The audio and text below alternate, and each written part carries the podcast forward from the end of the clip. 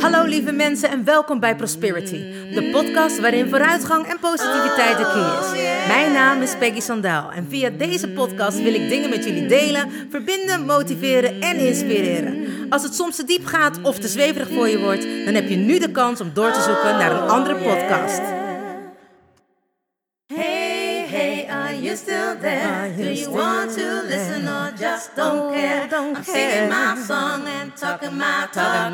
Talk about where you're feeling and walk my walk. I'm here to share, connect and give. All I got, I call it God's gift. So listen and learn and do what's good for you. I have no expectations, but I share, care and give my love to you. Hey, wat super! Je bent er nog. Nou, welkom gelijkgestemde. Ik heb er zin in. Let's go! Oh yeah. Hallo, hallo lieve mensen. Een hele goede morgen, middag of avond. Ik weet natuurlijk niet wanneer jullie dit luisteren. Maar welkom weer bij een nieuwe Prosperities podcast. Wat fijn dat je er weer bent en wat te gek dat je weer tijd maakt om naar mij te luisteren. En wat ben ik blij natuurlijk dat het weer woensdag is. En dat betekent Wednesday Podcast Day. En dat betekent natuurlijk ook dat ik jullie weer gewoon lekker mee kan nemen in alles wat ik weer deze hele week heb meegemaakt. Voor de mensen die voor het eerst zijn, welkom. Wat fijn dat je er bent en laat me weten hoe je aan Prosperities podcast gekomen bent. Ik vind het altijd te gek om dat te weten. Dus je mag me DM'en, uh, Facebooken, eh, via de website of misschien gewoon even een berichtje op de WhatsApp. Alles is mogelijk. Ik ben overal te bereiken en ook te beluisteren. Voor de mensen die dat nog niet weten, de podcast is te beluisteren op iTunes, Spotify en SoundCloud. En om nou te zorgen dat veel meer mensen dit weten, is het echt te gek als je even een berichtje achterlaat of de podcast opslaat of natuurlijk doorstuurt. Want ik geloof in sharing is caring. Nou, dit gezegd hebbende wil ik natuurlijk ook alle mensen weer welkom heten die elke week luisteren naar de podcast. Dank jullie wel daarvoor. Ik vind het echt super bijzonder en ben mega dankbaar. Dat jullie dat weer elke week doen. En ook zelfs de mensen die wekelijks luisteren, dat ze me berichtjes sturen. Hoe ze geraakt zijn. En hoe mooi ze het vinden. Of nou, dat ik misschien iets rustiger kan praten. Of misschien wat minder aan het begin kan vertellen. Maar ik vind alles fijn. Ik zie altijd alles als positieve kritiek. Dus wees niet bang om iets te zeggen, om iets te vinden. Alles mag. Want jij bent wie jij bent. En natuurlijk ben ik wie ik ben. En is het mijn podcast. En doe ik toch wel wat ik wil. Maar het neemt niet weg dat ik alle kritieken wel meeneem. Dus dank jullie wel daarvoor. Dank jullie wel voor je eerlijkheid. En te gek dat je dus weer een moment neemt om zelf te groeien, te leren, te luisteren en te delen. Nou, als jullie zover zijn, dan zeg ik laten we beginnen, want ik kan niet wachten om weer van alles met jullie te delen. Dus ik zeg, let's go. Zo, lieve mensen, het was me weer een week. Een week waarin ik heb mogen herstellen van corona en superveel lieve berichtjes heb ontvangen van iedereen. Ook weer mooie heling heb mogen geven aan mensen en veel diepere lagen in mocht gaan. Ik krijg steeds meer stellen bij mij in de praktijk. En daar wilde ik ook echt op voortbeduren als in tijdens dit onderwerp. Ik heb afgelopen maandag heb ik een blog geschreven over aanvullen en opvullen. Voor de mensen die het hebben gelezen, gaan nu een stukje herhaling horen. Maar ik zeg altijd, dat kan geen kwaad, want repetition is the mother of skill. En wat ik ook wilde vertellen. Ik ben inmiddels twee jaar getrouwd. Afgelopen dinsdag, 27 juli 2019. Jawel mensen. Daar mag even voor geapplaudiseerd worden. Want ook ik was verbaasd toen ik ooit te huwelijk werd gevraagd. En dat ik ja heb gezegd. En dat ik ben gaan trouwen. was natuurlijk een meisjesdroom. Dat wilde ik super graag. Maar durfde ik eigenlijk nooit toe te geven. Omdat ik me niet durfde te verbinden. En ik heb het ook eens over verbinden gehad. En ik denk dat het eigenlijk een soort van, nou ja, hele rode draad wordt. Over verbinden, op en aanvullen en connectie maken. Echt de connectie durven maken met jezelf, met je partner en met anderen. Zoals jullie weten, nou, wat ik net zei, hè, ben ik twee jaar getrouwd.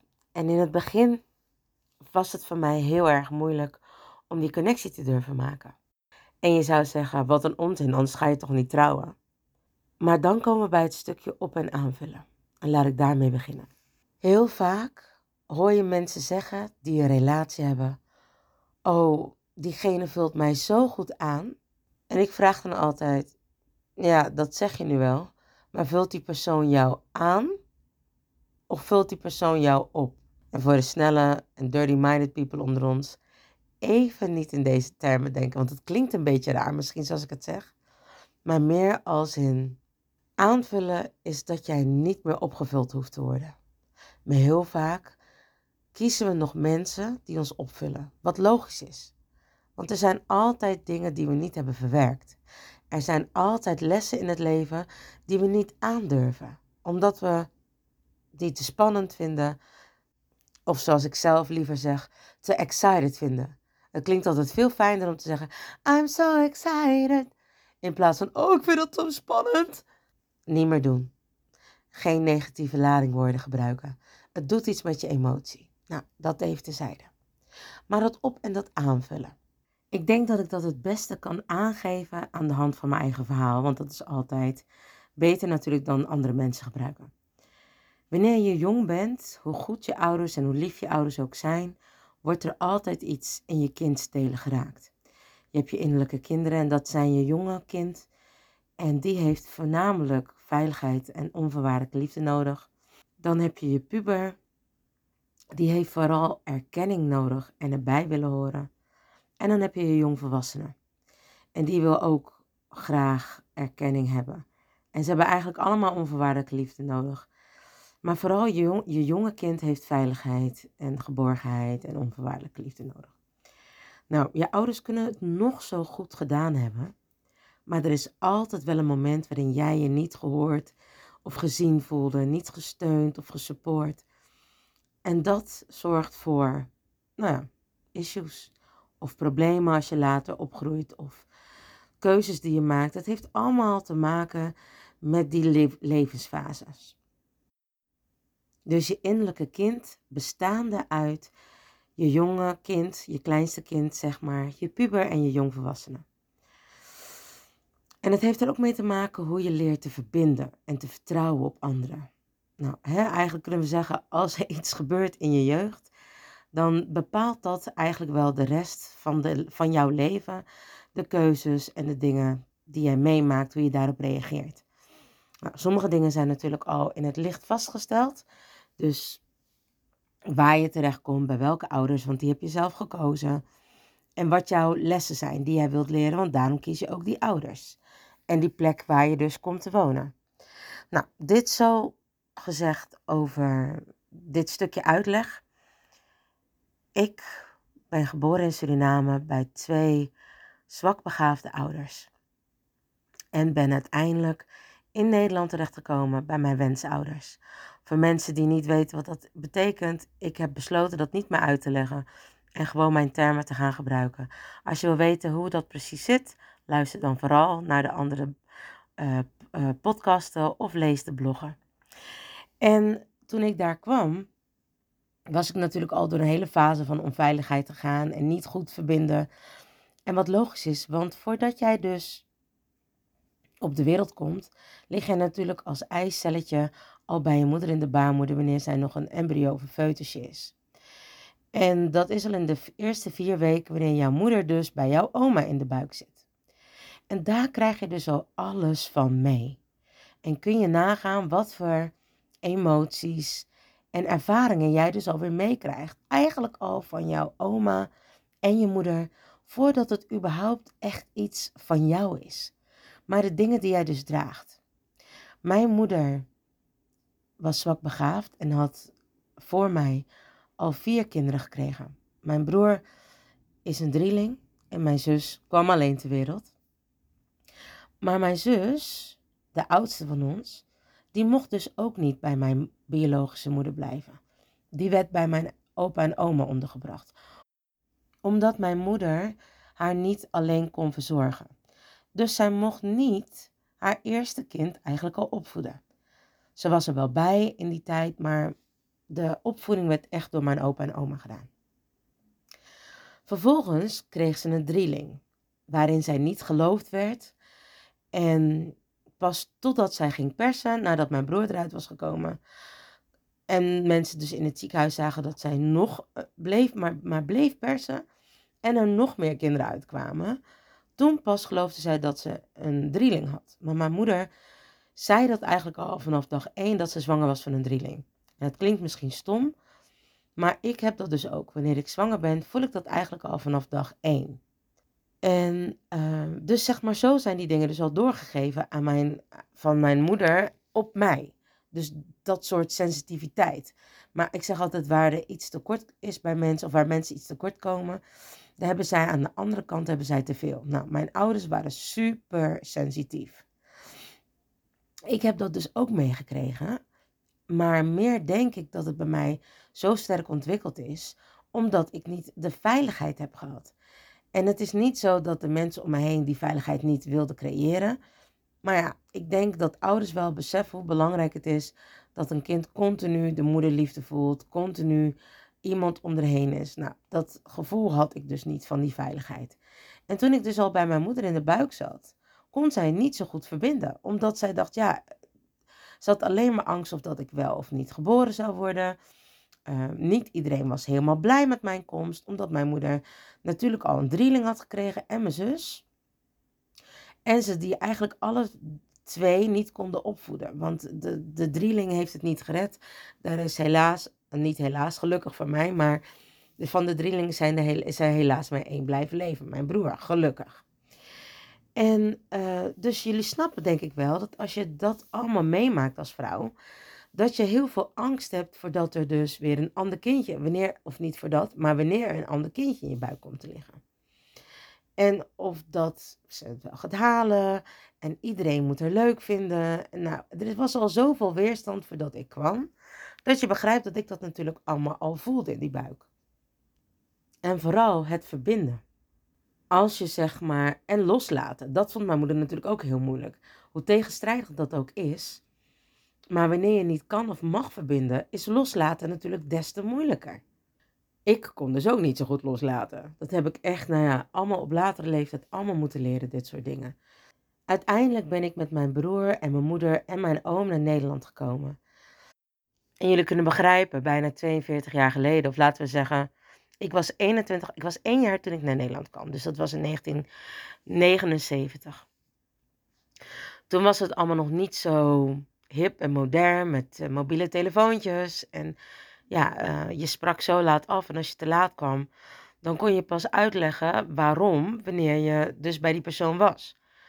Nou, zo was het dus ook met mijn moeder. Zij werkte en had ons een aantal keren te laat of niet opgehaald ehm, op tijd bij het kinderdagverblijf. Waardoor wij dus uiteindelijk is het dus besloten dat het beter was dat wij bij andere mensen gingen wonen. Kun je nagaan als je een jaar bent, je gaat naar een ander land toe en je komt vervolgens al heel snel na 21 maanden bij andere mensen terecht. Maar gelukkig mijn wensouders. Maar daarvoor was ik nog bij mijn tante en dat was ook een vrouw vol met frustratie. Ze was een witte vrouw in een zwarte gemeenschap en waar ze niet helemaal geaccepteerd werd. En ik weet ook niet precies wat het hele verhaal erachter was. Maar daar had ze behoorlijk veel moeite mee en die frustratie botvierde ze op mij en mijn broertje. Op mij en mijn broer, sorry moet ik zeggen, want ik ben de jongste. Ik doe graag of dat ik de oudste ben. ik zeg altijd, ja, ik heb het meeste verstand van ons alle drie. Nou, dat wordt me natuurlijk niet in dank afgenomen, hè. Maar, dus op die manier ben ik bij mijn ouders gekomen, omdat mijn tante kon geen uh, kinderen krijgen. En in Suriname is het vrij gewoon als je in, toen destijds als een gezin meerdere kinderen had, dat je daar dan één kind van overnam. Zodat je toch, nou ja, kinderen had. En zo was mijn neef dus bij mijn tante en mijn neef was bevriend met mijn huidige wensbroers. Nou ja, en het was gewoon op een dag ben ik daar naartoe gegaan. Toen ik 21 maanden was. En mijn moeder zei, oh wat een lekker wijfie. Mag ik er hebben? Platte Rotterdammer dat ze was. En ik deed natuurlijk de hup hup hup verkooptruc. En ik zei, mama. Nou ja, in die tijd, jongens, horen jullie al een beetje hoe dat allemaal semi, uh, nou niet op een legale manier echt gegaan was. Toen was het nog allemaal niet zo streng met jeugdzorg en, um, nou ja, toezicht op kinderen. En zo ben ik een dagje bij mijn wensouders gebleven. Een paar dagen, een weekend, een week. En eigenlijk ben ik daar nooit meer weggegaan. Gelukkig maar, want ik heb echt een prachtleven gehad. En nou, voor hoever ik het nu zie, en vol een van de betere opvoedingen die je maar kan hebben. Ik heb geen idee wat bij andere opvoedingen is natuurlijk, maar wat ik heb gezien, mag ik echt niet klagen en ben ik gelukkig heel goed terechtgekomen. Maar daar begint het natuurlijk al. Dus van huis naar huis naar huis. Eigenlijk is dat heel onveilig. En dat in mijn eerste 21 maanden. Dus nog net geen twee jaar van mijn leven. En wat ik later ook begreep van mijn broers, is dat het eigenlijk nooit echt besproken is dat ik daar kwam. Dus mijn ene broer die was vrij jaloers op mij. Mijn middelste broer die wist niet zo goed wat hij met me aan moest. En mijn oudste broer die hield van mij. Nou, nu ik weet hoe spiegelen werkt, stond dat dus eigenlijk allemaal voor spiegels voor mezelf. Ik hield namelijk niet van mezelf. Ik vond het mezelf niet waard. Ik wist niet zo goed wat ik met mezelf aan moest, maar aan de andere kant voelde ik ook wel heel veel liefde. Nou, letterlijk mijn broers. Mijn ouders hebben werkelijk alles eraan gedaan om mij een zo goed mogelijk en veilig thuishaven te geven. En dat is ze gelukt. Alleen je hebt natuurlijk ook altijd te maken met externe omstandigheden. Dus mijn tante mishandelde ons en dat, daar, kwam, daar kwamen mijn ouders achter, omdat ze mij een keer thuis in het huis van mijn ouders enorm is gaan slaan. Mijn vader was er niet, maar mijn oudste broer wel. En die heeft er echt met kop en kont toen buiten de deur gegooid. Maar toen begon de ellende. Mijn ouders hebben toen van allerlei verwijten gekregen dat zij mij mishandelde, dat mijn moeder alcoholist was. Neem het. En het ging echt behoorlijk ver. Met al haar beschuldigingen en aantijgingen. En zover dat uiteindelijk jeugdzorg erbij betrokken was. Wat goed was, want toen ging alles rollen. Heeft mijn vader ons geneutraliseerd, want we waren ook nog illegaal in Nederland. Toen werd het contact hersteld op een normale manier tussen mijn biologische moeder en mijn broer en mij. En op die manier is alles gelukkig uiteindelijk goed gekomen. Maar ik heb tot mijn twaalfde nooit buiten kunnen spelen. Want ik had een moeder die me heel graag terug wilde hebben. En allerlei ontvoeringsspektakels op touw zette. En ik had een tante die uiteindelijk behoorlijk dwars ging liggen. Dus de hele buurt was ervan op de hoogte dat ik, wanneer ik aan de deur stond, dat ik dan naar binnen moest. Nou, een stukje veiligheid en verbinding en vertrouwen jullie begrijpen dat het vertrouwen van mij niet heel erg hoog lag in de mens. Terwijl er genoeg mensen om mij heen waren die ik juist wel kon vertrouwen. Maar ik weet niet zo goed hoe dat werkt met, nou ja, althans, ik weet het inmiddels wel. We hebben een overlevingsbrein. En als kind doe je al alles om te overleven. Ik had al vrij vroeg het gevoel dat ik er alleen voor stond. En hoe stom dat ook is, omdat iedereen hè, om je heen als volwassene het gevoel hebben dat ze alles voor je doen. Jij als kind hebt gewoon een heel ander perspectief. En mijn perspectief is dat ik van eigenlijk al heel jongs af aan alles alleen heb moeten doen. En ook daarbij heb ik mijn eigen verhaal gemaakt dat mijn biologische ouders niet van me hielden omdat ze me hebben weggegeven. Dat is denk ik een soort van vledernest-syndroom, zo noemen ze dat, wat elk geadopteerd of wenskind heeft. En ja, dat heeft gewoon vaak met eigenwaarde te maken. Hè? Wanneer iemand, uh, je ziet allemaal dingen om je heen, je ziet allemaal mensen om je heen die gewoon bij hun biologische ouders worden opgevoed. En hoeveel liefde daar zit aan de buitenkant. Hè? Je weet nooit achter de deuren wat zich daar werkelijk afspeelt.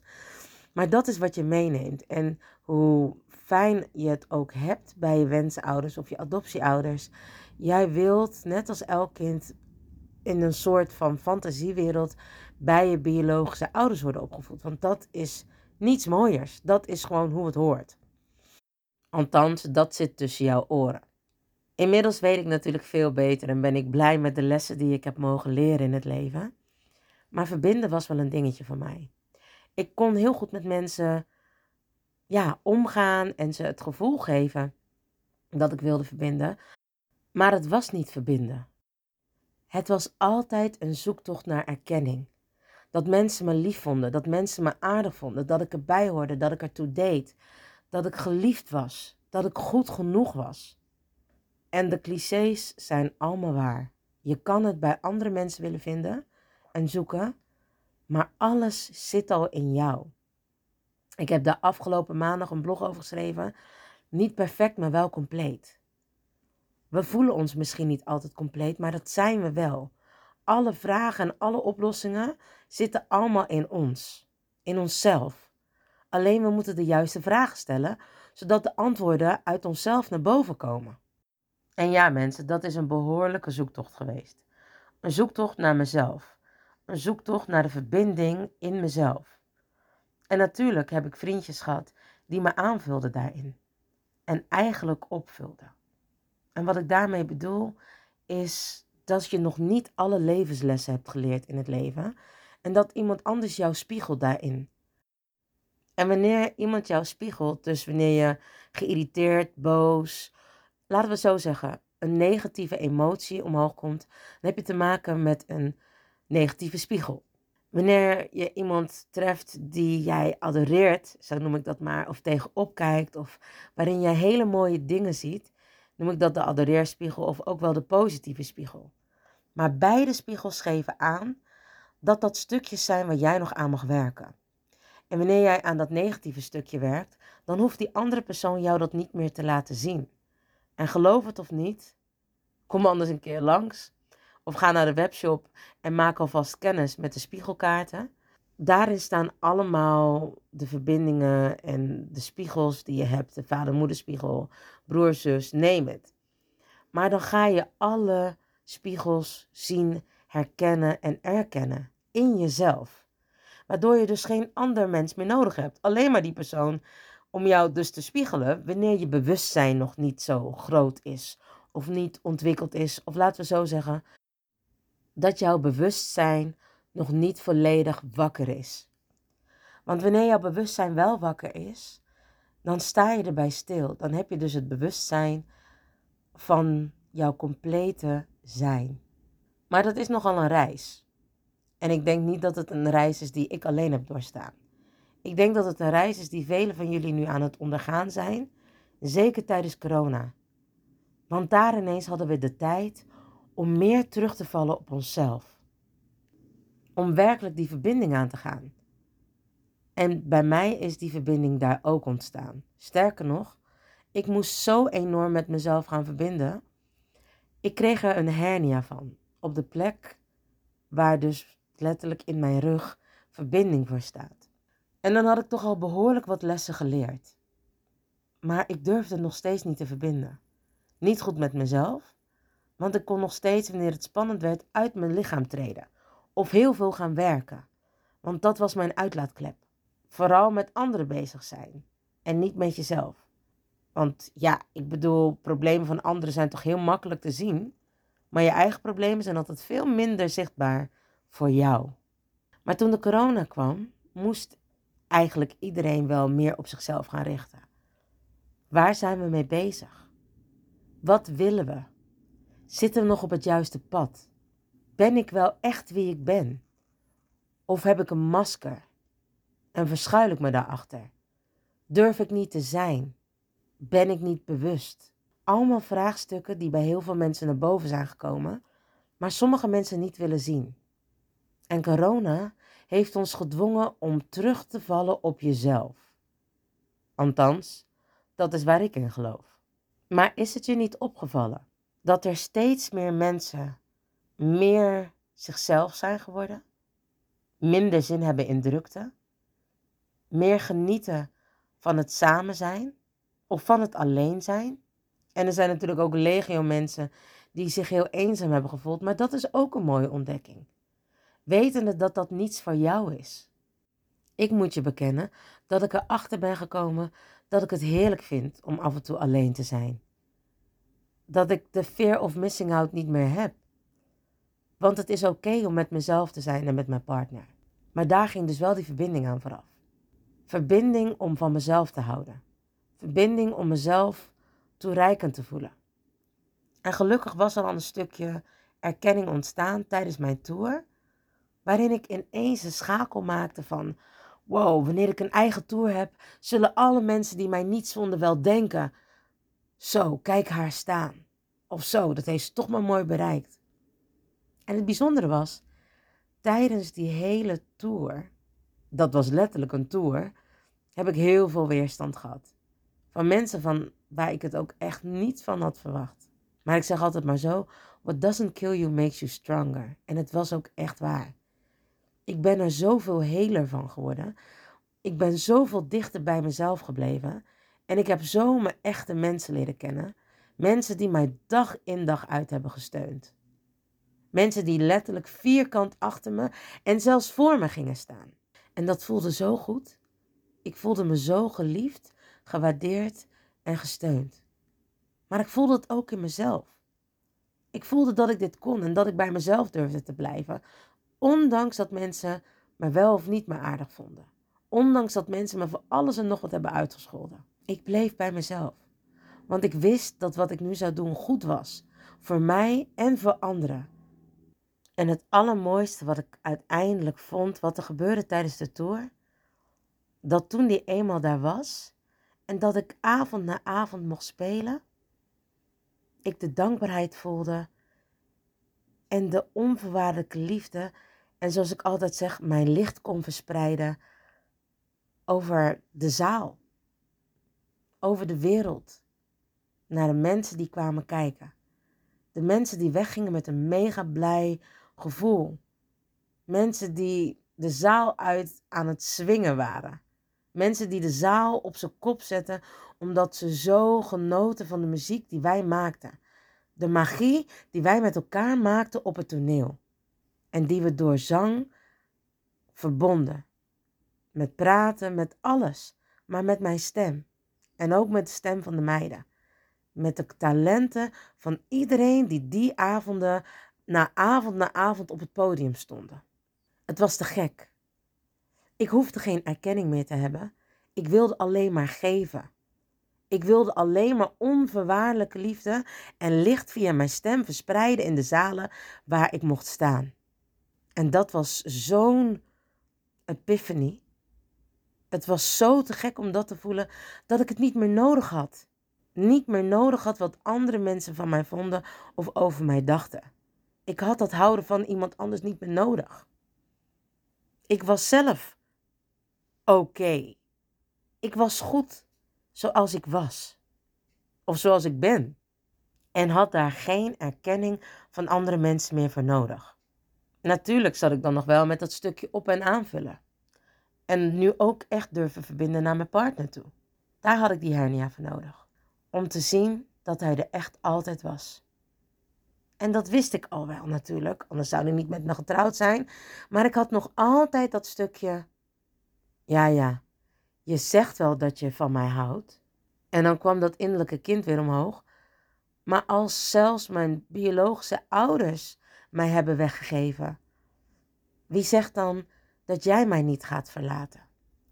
En kun je nagaan op wat voor niveau dat zit? Dat zit op zelfsniveau. En daar ben ik, nou ja, eigenlijk ook allemaal doorheen gegaan met hypnotherapie en met de spiegelsessies, maar ook nog een keer een diepere laag in mijn laatste opleiding. Waar ik echt weer op celniveau nog een laag dieper ging trillen. En man, trust me, dat was echt heftig. Ik doe nu ook de sessies met de mensen bij mij in de praktijk. en ik laat de mensen als leverage vooraf betalen. Omdat ze eigenlijk zeker de eerste drie à vier keer zeggen: Ik snap echt niet waarom ik dit doe. Ik voelde me tijdens de spiegelsessies of tijdens het vorige traject wat ik bij je heb gedaan echt veel fijner, veel gelukkiger. Maar nu voel ik me echt zo kut. En dan zeg ik: Ja, maar het komt goed, het komt goed. En dat komt omdat het brein niet naar de pijn wil. En wat ik doe, is continu naar de pijn gaan continu op dat niveau gaan zitten, zodat de pijn, zodat alles lostrilt, zodat je inzichten krijgt in waarom en de wat en de hoe's en de wanneers, eigenlijk de vijf de wie, wat, waar, wanneer en waarom. En dat is heftig. En ik vind het heerlijk om te doen. Maar op het moment dat ik daarin zit, wil niets van mij naar die pijn toe. Wil alles van mij die pijn omzeilen. En wil ik het niet zien. Maar goed, die hernia. Die hernia zorgde ervoor dat ik niks kon. En dat ik volledig op mijn man moest vertrouwen. Zo erg dat ik moest laten douchen. Dat ik dat niet eens kon. Ik kon niet staan. Ik kon niet staan. Ik heb zes weken in een rolstoel gezeten. Nou, en als je voor je gevoel vanaf dat je kleins af aan alles al zelf hebt moeten doen, was dit wel een dingetje, zoals jullie kunnen begrijpen.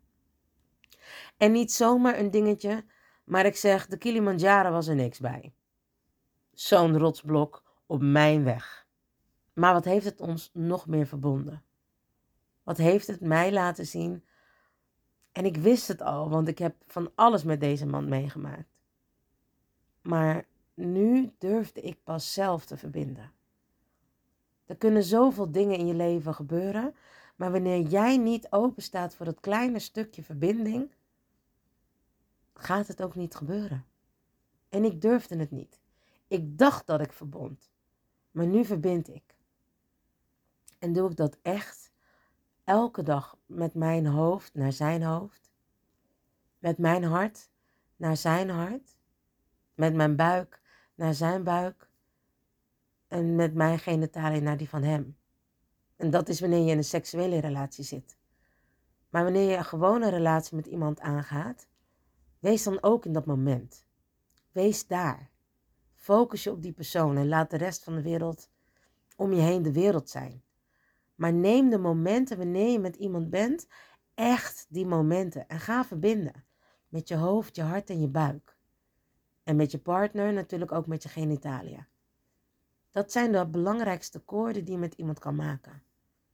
En wat ook belangrijk is, om de koorden weer te snijden met mensen. Want koorden zorgen voor verbinding, maar koorden kunnen ook zorgen dat iemand je energie aftapt. Ik denk wel dat je het herkent. Soms zit je bij iemand en dan kun je ineens mega moe zijn. Jij komt super opgewekt daar naartoe en ineens heb je dezelfde emotie of energie als die persoon waar jij naartoe bent gegaan. Dat betekent dus dat jullie met elkaar verbonden zijn, maar dat die andere persoon letterlijk jouw energie aan het tappen is. Want jij neemt die energie over. Het heeft er ook mee te maken dat je jezelf niet goed beschermt.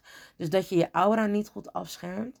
Nou, op mijn webshop zijn ook allemaal, uh, daar staat de spirituele douche, hemelse stofzuiger. En vertel ik ook iets over koorden. Daar heb ik trouwens in een andere podcast ook over verteld. Maar ik heb dat ook in een blog verteld. Koorden maak je met elkaar wanneer je met elkaar verbindt. Maar het is ook belangrijk om die koorden te snijden om ze gezond te houden. Want kun je je voorstellen als je de hele dag allemaal mensen ontmoet en ik zeg maar zo, die tappen allemaal bij jou af?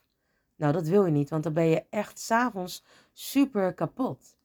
Net zoals dat jij dus niet goed je, je aura uh, beschermt. Ik noem dat altijd je spirituele hygiëne. Zorg dat je je aura reinigt. Zorg dat je de koorden snijdt met de mensen, met de volwassen mensen die jij op je pad tegenkomt die dag.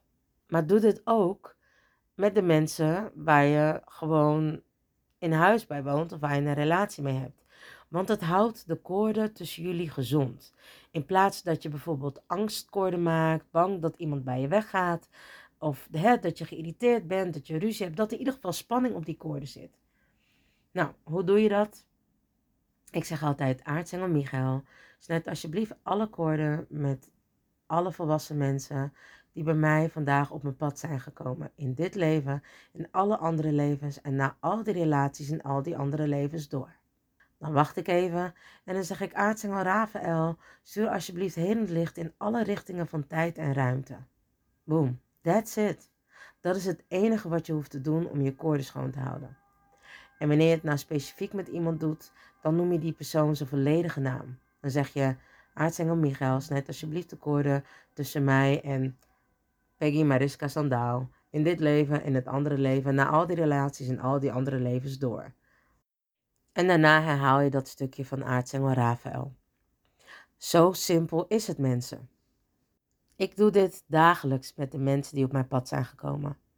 Omdat ik mijn koorden gewoon gezond wil houden. Dus dat wat betreft je spirituele hygiëne. En dan zijn we bij het laatste stukje gekomen waar ik het over wilde hebben. Het op- en aanvullen. Wanneer mensen zeggen, oh, ik heb nu eindelijk iemand die mij echt aanvult. Dan zeg ik, wat ik in het begin ook al zei, vult die persoon je op of vult die persoon je aan? Wat ik al zei, we leren in het leven allemaal lessen. En soms kun je die lessen makkelijk alleen leren, maar soms heb je daar ook iemand voor nodig. En ik zeg dan dat er leermeesters op je pad komen. En leermeesters zijn eigenlijk alle mensen die jij in dit leven op je pad mag ontvangen. Deze mensen zorgen ervoor dat jij inzichten krijgt. En deze inzichten zijn niet altijd leuk, want het zullen ook soms echt behoorlijke obstakels zijn. Maar wanneer je ze niet wil zien, gaat iemand anders ze wel aan je laten zien. En dat is het mooie van het leven. Er komen verschillende leermeesters op je pad. En daar bedoel ik mee, soms zeg je iets tegen iemand en niet één keer, maar soms wel tien keer of twintig keer of honderd keer. En het wordt niet opgenomen. En dan komt er ineens iemand anders en die zegt één keer hetzelfde wat jij zegt, misschien net in een iets andere vorm, maar in een totaalzelfde betekenis. En die mensen nemen het in één keer op. Dat je denkt, huh? Vroeger had ik daar heel veel last van. Dacht ik, ja, maar ik heb je dat toch al de hele tijd gezegd? Ego. Nu denk ik, thank God, dat ze eindelijk een leermeester heeft gevonden waar ze wel naar kan luisteren. Waar ze het wel van kan horen en ook, kan van, en ook van kan aannemen. En ik zeg nu ze, maar het kan natuurlijk ook een hij zijn. Hè? Dus waar die persoon dat dus gewoon van kan aannemen. Dan heb je letterlijk iemand die je opvult. Iemand die jou je lessen leert samen te doen of die jou bewust ervan maakt, zodat jij die lessen later alleen kan doen. Of dat je ze, nou ja, zelf dus gewoon kan meesteren. En wanneer je iemand hebt die jou aanvult, dan laat die persoon nog meer jouw sterke kanten zien. Soms ben je niet bewust van iets wat je al hebt, van een gave of iets waar je heel goed in bent. Maar die andere persoon ziet dat wel en die bekrachtigt dat dan in jou. Waardoor jij het gaat gebruiken, waardoor je het zelf gaat zien. net zoals dat mensen tegen mij zeiden: Jij kan zo goed luisteren. Terwijl ik altijd het gevoel had dat ik alleen maar heel goed kon praten. ja, mensen, dat is ook een gave. Lekker kunnen lullen, zeg ik altijd maar. Maar ik kan blijkbaar dus ook heel goed luisteren. En tijdens de opleiding zei mijn juf, die zei iets heel moois, wat ik echt nog nooit zo diep en intens had gevoeld. Maar ik wel ineens begreep waar het vandaan kwam. Ik heb heel lang last gehad of angst gehad voor stilte. Stiltes vond ik beangstigend. En ik gebruik nu bewust het woord beangstigend omdat dat ook echt zo was. Tegenwoordig gebruikte ik natuurlijk het woord excited. Ik was een beetje excited om alleen te zijn. Maar sinds de corona en tijdens de opleiding zei mijn juf iets heel moois. Zij zei: Alles gebeurt bij jou in de stilte.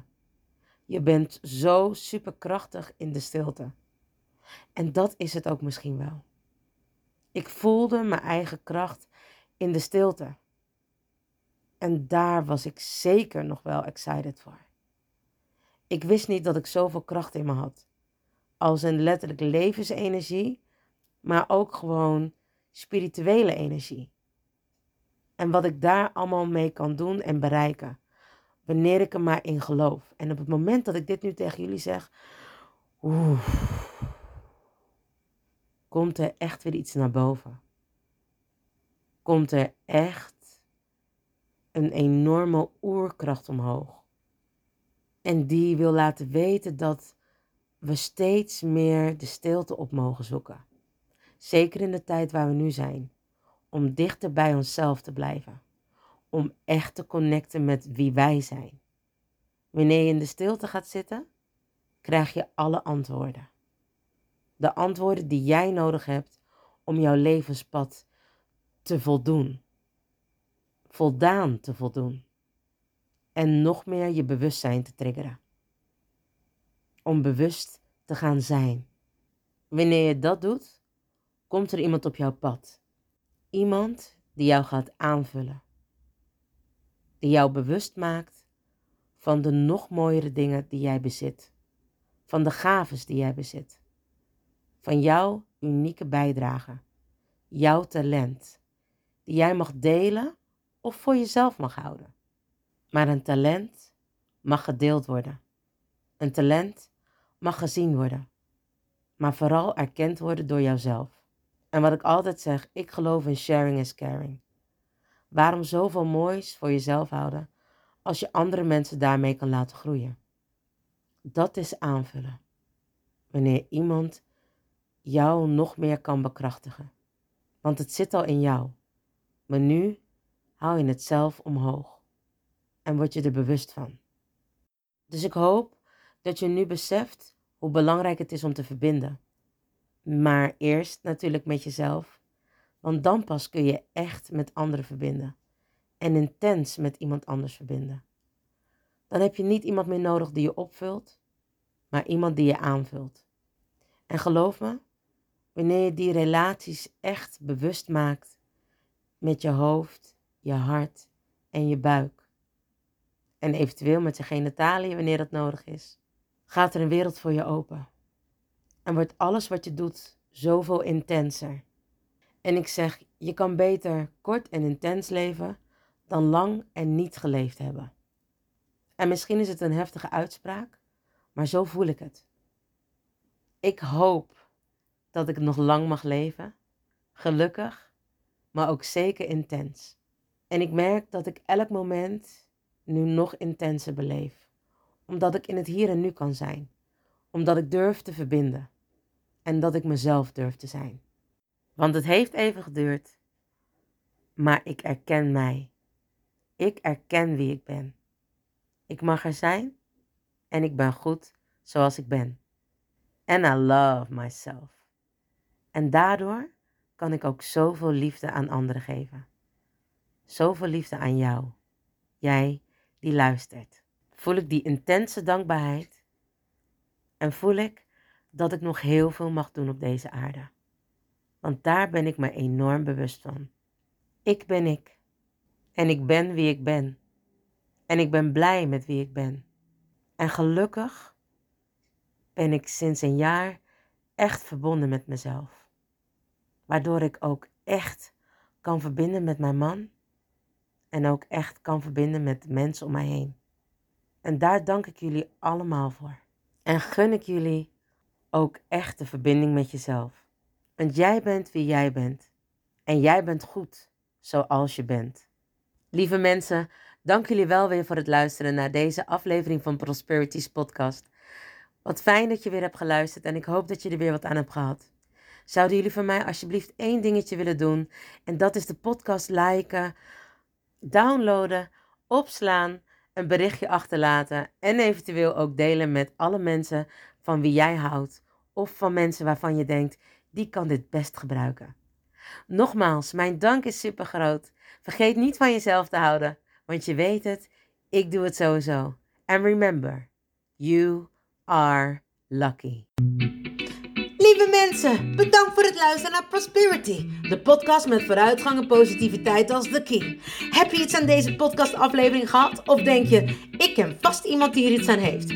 Deel dan alsjeblieft de podcast, want ik geloof in sharing is caring. Ben je geïnspireerd en of gemotiveerd? Tag me dan met een screenshot via Instagram, deel het op je story of andere social media. Vergeet me niet te volgen, zodat je op de hoogte blijft van alle podcastafleveringen. En ik zou het te gek vinden als je de podcastaflevering opzoekt op Soundcloud of Spotify en laat een berichtje achter. Hoe meer berichtjes, hoe beter de podcast naar voren komt. En zo kunnen we met z'n allen een mooi ripple effect maken. Nogmaals dank en vergeet niet van jezelf te houden.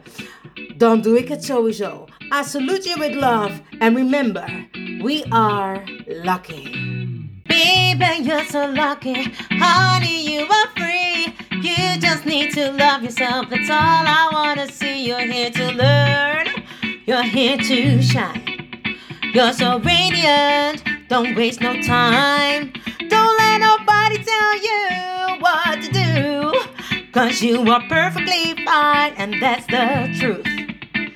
Baby, you're so lucky. Honey, you are free. You just need to love yourself. That's all I wanna see. Baby, you're so lucky. Honey, you are free. You just need to love yourself. That's all I wanna see. Baby, you're so lucky, lucky,